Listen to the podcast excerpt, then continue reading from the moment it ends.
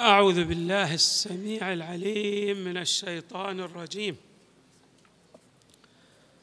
بسم الله الرحمن الرحيم والحمد لله رب العالمين والصلاة والسلام على أشرف الخلق سيدنا ونبينا محمد وآله أجمعين الطيبين الطاهرين.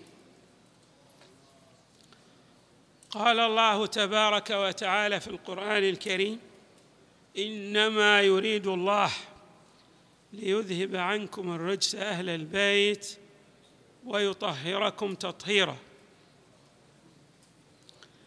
إمامنا الرضا عليه السلام كان له عناية بالإصلاح الاجتماعي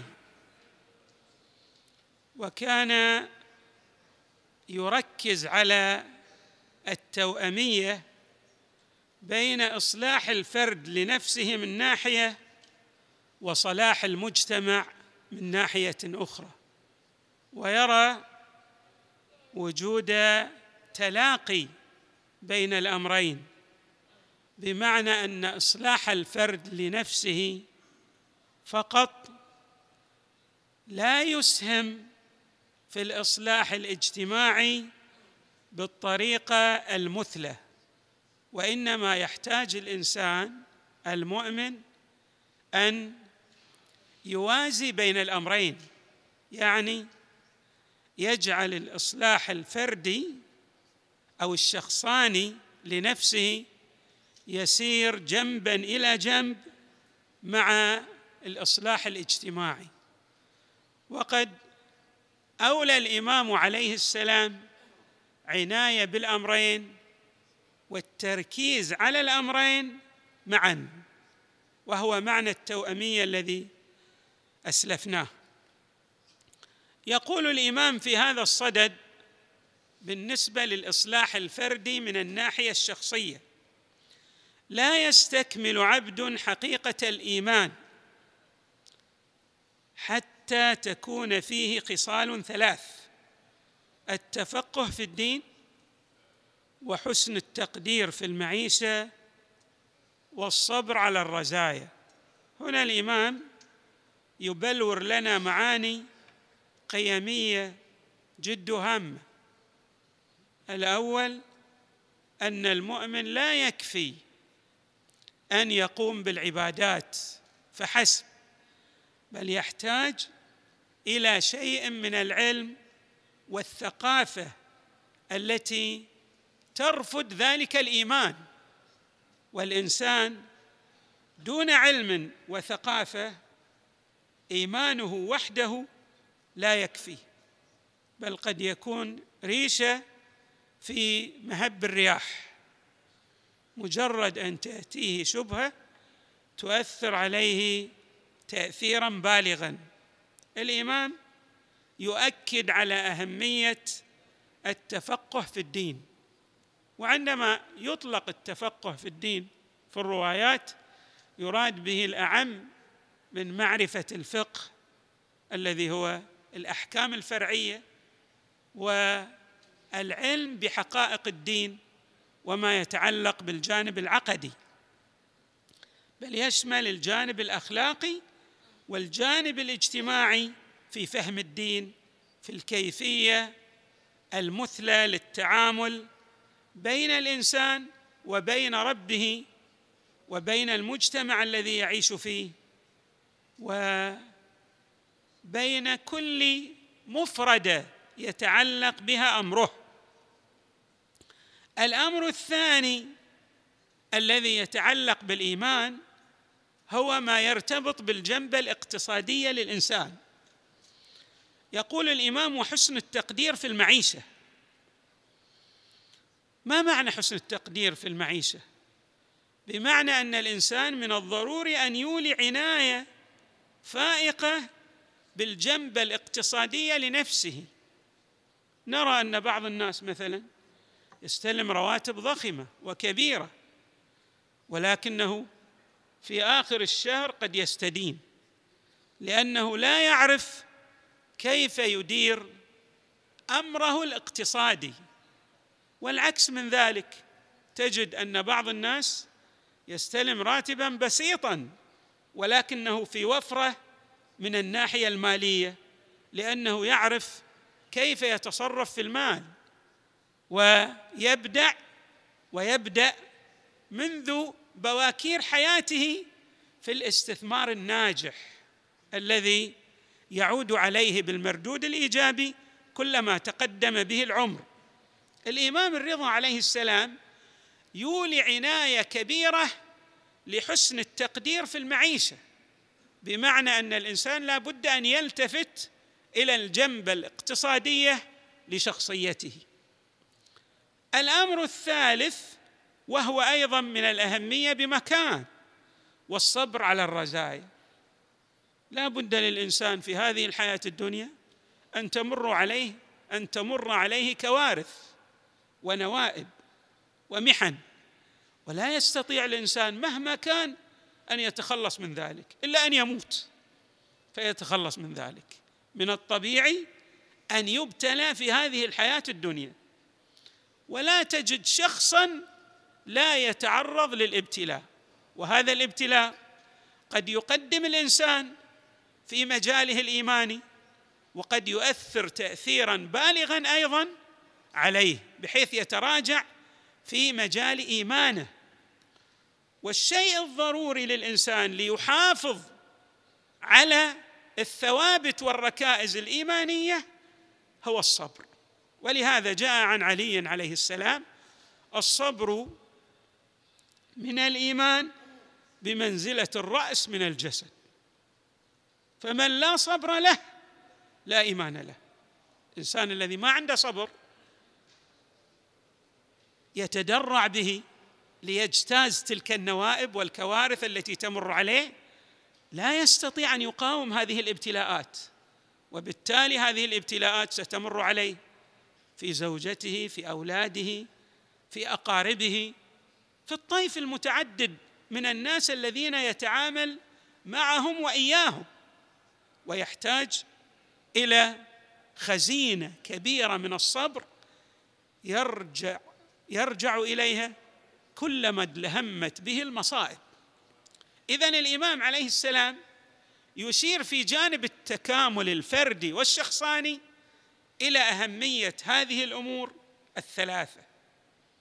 التفقه في الدين حسن التقدير في المعيشة والصبر على الرزايا. أما في الجانب الاجتماعي وهو أيضا جد هام ترى أن بعض الناس يخربون بيوتهم بأيديهم بمعنى يسهم في تقهقر المجتمع أو الفئه الذي ينتمي إليه إليها من حيث ضيق الأفق الذي يتعامل به مع الناس الذين هم في دائرته. وهو لا يشعر بأن ضيق الأفق الذي يتعامل به يؤثر عليه تاثيرا بالغا كما أسلفنا. نقرأ في رواية توجيهية لإمامنا الرضا تعبر عن وضع النقاط على الحروف في هذا الجانب وهي رواية حقيق أن تكتب بماء الذهب في الحقيقة لأنها توجيه اجتماعي رائع وجميل. يقول الإمام عليه السلام لأحد علمائنا الكبار وهو من أبناء عمه عبد العظيم الحسني هذا عالم حتى ورد في زيارته أن من زاره كمن زار الحسين عليه السلام. ليس فقط عالم بل أيضا بلغ درجات عالية في الإيمان من تواضعه لأئمة أهل البيت لأنه يعرف حقوقهم. في بعض من ينتمي إلى أهل البيت لا يعرف حق أهل البيت وبالتالي يعني يتكئ على نسبه فقط وينسى المبادئ. هذا الشخص عبد العظيم شخصية في الحقيقة رائعة وجميلة لأن لديه علم وفقاهة ونسب عالي هو من ذرية الإمام الحسن وتواضع جم لإمامة الأئمة من أهل البيت عليهم السلام. وقد عرض عقائده على الإمام المعصوم فقال له الإمام عليه السلام أن هذه العقائد هي دين الله الذي يدان به. يقول إمام الرضا لعبد العظيم يا عبد العظيم أبلغ عني أوليائي السلام وقل لهم أن لا يجعلوا للشيطان على أنفسهم سبيلا.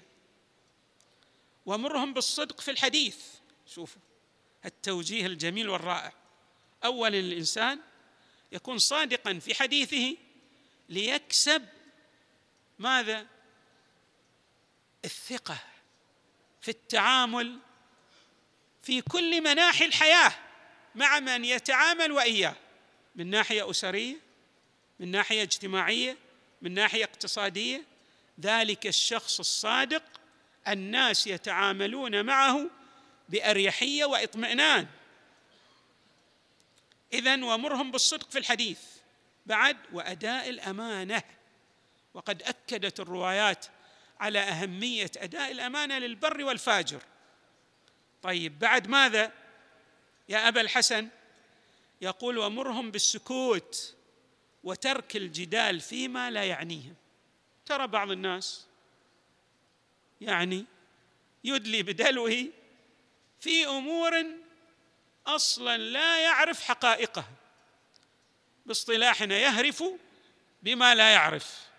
وهذا الشيء ينطبق على أنصاف المثقفين في العصر الحديث يعني الذين لا دراية لهم بالدين ولكنهم يدلون بدلوهم في أمور عندما تقرأها يعني تحتار أتضحك أم تبكي. لأنه لا يعرف الحقيقة فيدلي بدلوه في أمر ليس فقط لا يعنيه وإنما يؤثر عليه في دنياه وفي أخرى حيث يبتعد عن الله وعن أهل البيت من ناحية وأيضا الله تبارك وتعالى يضيق عليه في دنياه ويسلبه الكثير من النعم من حيث لا يشعر. اذا الإمام عليه السلام أمرهم بالسكوت وترك الجدال فيما لا يعنيهم. لاحظوا هذا التوجيه. وإقبال بعضهم على بعض. يعني لابد أن يكون عندك ماذا؟ احترام وتقدير لمن ينتمي إلى بيئتك إلى ولاية أهل البيت. وإقبال بعضهم على بعض والمزاوره فإن ذلك قرب إلي. إذا تريد تتقرب من أهل البيت حاول أن تزور إخوانك المؤمنين. حاول أن تتقرب إليهم ولو بالسلام. وأقل درجة أن لا تسيء إليهم. قد لا تتمكن أن تزورهم الظروف لا تتيح لك ذلك ولكن على الأقل لا تؤذيهم. لا تسيء إليهم بكلماتك. الإمام في هذا الصدد يقول ولا يشغل أنفسهم بتمزيق بعضهم بعضا. انتبهوا بعض الناس يمزق الواقع الذي يعيش فيه من حيث يعيش في هذه الدائرة الضيقة ويعطي الأوسمة.